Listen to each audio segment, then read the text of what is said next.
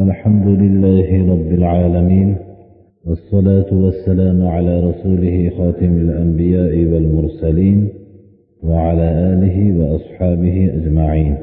أما بعد السلام عليكم ورحمة الله.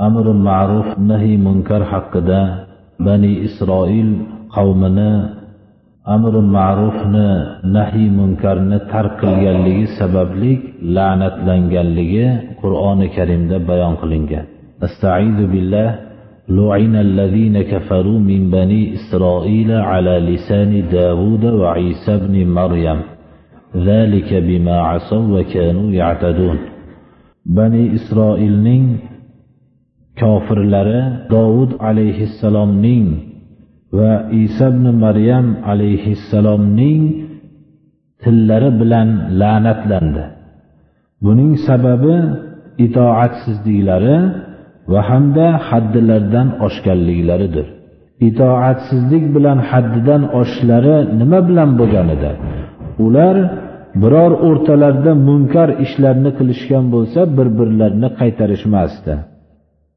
qanday bir yomon ish qilishganida? Shuning uchun ular o'zlarining olloh tarafidan ularga jo'natilingan payg'ambarlar tillari bilan la'natlanishdi. Biz shu amri ma'ruf nahiy munkar degan narsani kengroq bir tushunishlikka muhtojmiz. Mana bu oyatning sababi nuzulini bayon qilib abdulloh ibn masud roziyallohu anhudan rivoyat qilinadiki shu rivoyat qilingan hadis ularning itoatsizliklari munkar ishlarni qilganda bir birlarini qaytarmaganliklari qanday suratda bo'lganligini bizga yoritib beradi. Va shu bilan birga biz o'zimiz birodarlar o'rtasida xalqlar o'rtasida shu ishni qilyapmizmi yoyinki yo'qmi? Mana bu narsani shu hadisni tushunishlik bizga javob bo'ladi. Abdulloh ibn masud roziyallohu anhudan rivoyat qilinadiki rasululloh sollallohu alayhi vasallam aytdilar deb bu kishi aytyaptilar inna avvala ma dakhala naqsu على بني إسرائيل أنه كان الرجل يلقى الرجل فيقول يا هذا اتق الله ودع ما تصنع فإنه لا يحل لك ثم يلقاه من الغد وهو على حاله فلا يمنعه ذلك أن يكون أكيله وشريبه وقعيده. فلما فعلوا ذلك ضرب الله قلوب بعضهم ببعض. ثم قال أستعيذ بالله لعن الذين كفروا من بني إسرائيل على لسان داود وعيسى بن مريم. ذلك بما عصوا وكانوا يعتدون إلى آخرها. birinchi bani isroilga kirib kelgan nuqsonning avvali shundan boshlangan deydilar. Rasululloh sollallohu alayhi vasallam. Bani isroil kim edi?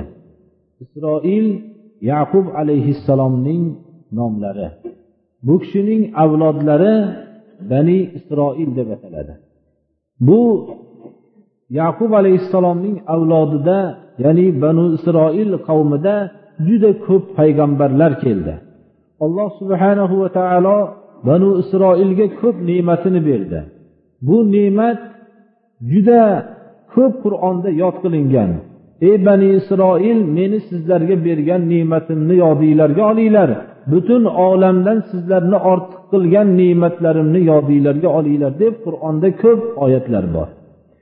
Ana shunday payg'ambar zodalar kelgan banu isroilga kirgan nuqsonning birinchisi shu vaqtdan boshlandiki ba'zi kishilar ikkinchi bir kishiga ro'baru bo'lardida aytardiki noto'g'ri ishni qilayotgan holatda ro'baru bo'lib qolsa ey falonchi ollohdan qo'rq qilayotgan ishligi ishingni tashla deyishardi. Uni munkar ishlardan qaytarardi. Bu narsa senga mumkin emas bu narsani qilishliging deb qaytarardi. Shuni qaytargandan keyin ertasiga uchrashardi. Xuddi shu aybni qilgan holatda ko'rardi. Lekin avvalgi kunday qaytarishligidaqa qaytarmasdi uni buning sababi shu bilan birga o'tirib hamtovoq bo'lib qolganligi yoyinki biror bir shunda ovqat birga o'tirishib yeganligi rioyasi bilan uni ertasidan avvalgi kundagi qaytarishlik sifatini yo'qotib qo'yardi. Ana shunday shu bilan birga o'tirishib yuraverardi. Shundan keyin alloh subhanahu va taolo ularning qalblarini bir biriga adovatli qilib tashladi. Chunki munkar ishni qilayotgan odamni avvalgi kunda qaytarib turgan odam endi shu bilan birga yashab birga o'tirib birga ovqat yeb birga ulfat bo'lib qoladi mana bu sabab birinchi banu isroilning tarixdan nom nishonsiz bo'lishligining sababi shundan boshlangan edi birodarlar. Buni rasululloh sollallohu alayhi vasallam bizga xabar beryaptilar. Banu isroilning davlatini butun dunyodan ketganligini xabarini beryaptilar. Shu bilan birga buni xabar bergan vaqtlarida ummati islom islomning eng oliy namunasi bo'lib islomning holatlar yer kurrasining ko'p qismini egallagan vaqtda bunga faxrlanib qolmasdan bu ummati islomning inqirozga uchrashlik sababini ham bayonini beryaptilar. Agar banu isroildek shunday millat amri ma'ruf nahiy munkarni tark qilganligi uchun avvalda ular tark qilgan edi. Tark qilib kelajakda birga shular bilan yurganligi uchun shularga sherik bo'lib qolganligi ularning ummatini banu isroil ummatining inqirozini sababi bo'lsa ey ummati muhammad sollallohu alayhi vasallam sizlar agar shu amri ma'ruf nahiy munkarni tark qiladigan bo'lsanglar sizlarning inqirozinglar muqarrar degan so'zga ishora qiluvdilar imomi termiziyni rivoyatlarida قال رسول الله صلى الله عليه وسلم لما وقعت بنو إسرائيل في المعاصي نهتهم علماؤهم فلم ينتهوا فجالسوهم في مجالسهم وواكلوهم وشاربوهم فضرب الله قلوب بعضهم ببعض ولعنهم على لسان داود وعيسى بن مريم. ذلك بما عصوا وكانوا يعتدون. فجلس رسول الله صلى الله عليه وسلم وكان متكئا فقال لا والذي نفسي بيده حتى تأطروهم على الحق أطرا وتقصرنه imom termiziyni rivoyatlarida shu qo'shimchasi ham bor ekan rasululloh sollallohu alayhi vasallam aytdilarki banu isroil gunoh ishlarga tushib qolgan vaqtda ulamolari ularni qaytarishdi. Bular qaytishmadi. Qaytishmagandan keyin ulamolar ular bilan birga o'tirishib yurdi. Ular bilan ovqatlanishdi. Ular bilan birga yurishganligi sababli olloh ularning qalbini bir biriga adovatlik qilib tashladi. Va dovud alayhissalom iso ibn maryam alayhissalom tillari bilan ularni la'natladi. Shu so'zni aytganlarida rasululloh sollallohu alayhi vasallam yonboshlab turgan ekanlar suyanib turgan ekanlar.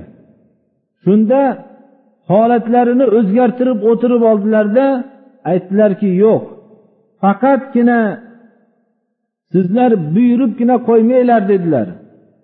Ruhim qudrat qo'lida bo'lgan zotga qasam ichib aytamanki kishilarni haqqa qattiq bir siltanglar degan ekanlar. Ana bu amr ma'rufning qanchalik miqdori bo'lishligini mana shundan bilib olishimiz kerak. Shunda savol paydo bo'ladiki billah la ikroha fid din. Dinda majburlik yo'qu. Degan savol paydo bo'ladi.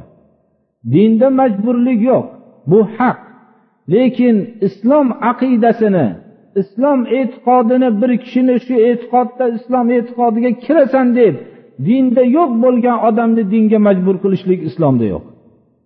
Ammo bir kishi musulmonman desa u o'z islomning qonunlarini qilishlikka majbur birodarlar.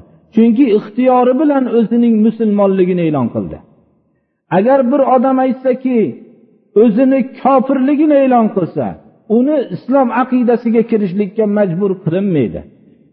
Ammo ixtiyori bilan islom aqidasini qabul qilinganda qabul qilgandan keyin namoz o'qish ro'za tutish islomning farzlarini bajarishlik unga majburdir u.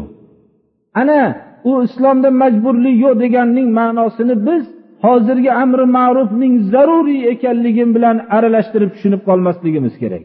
To'g'ri yana takrorlaymiz islomda majburlik yo'q dinsiz bo'lgan odamni dinga kirasan deb majbur qilishlik yo'q islomda. Islom tarixida biror bir kishini islomga majbur qilib kirgizilgan emas birodarlar. Lekin musulmonligi shu odam o'zining kofirligini e'lon qilib qo'yishligi kerak. Musulmon bo'lib ixtiyori bilan musulmon bo'lgandan keyin islom hukmlarini islomning buyruqlarini qilishlikka majburdir mana. Ularning biz amri ma'ruf qilishlikka biz majburmiz shularni tushuntirishlikka.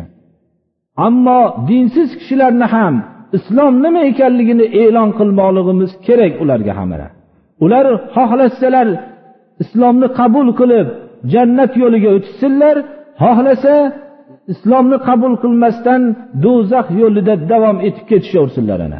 Biz mana bu narsani e'lon qilib qo'yishligimiz islomning buyruqlaridir. Amri ma'ruf qilgandan keyin munkar ishlarni shariatda yo'q bo'lgan ishlarni qilsa biz e'lon qilganimizdan keyin o'zimizning noroziligimiz bilan qolmoqligimiz kerak. Shu noroziligimizda sodiq bo'lib qolishimiz kerak mana. alloh subhanahu va taolo hammamizni ham shu farz amal bo'lgan amri ma'rufni qilishlikka alloh hammamizni nasib qilsin islomni tushunmasdan yurganlarni islom yo'liga hidoyat qilsin ularga ham haqiqatni bildirsin اهدنا الصراط المستقيم صراط الذين أنعمت عليهم غير المغضوب عليهم ولا الضالين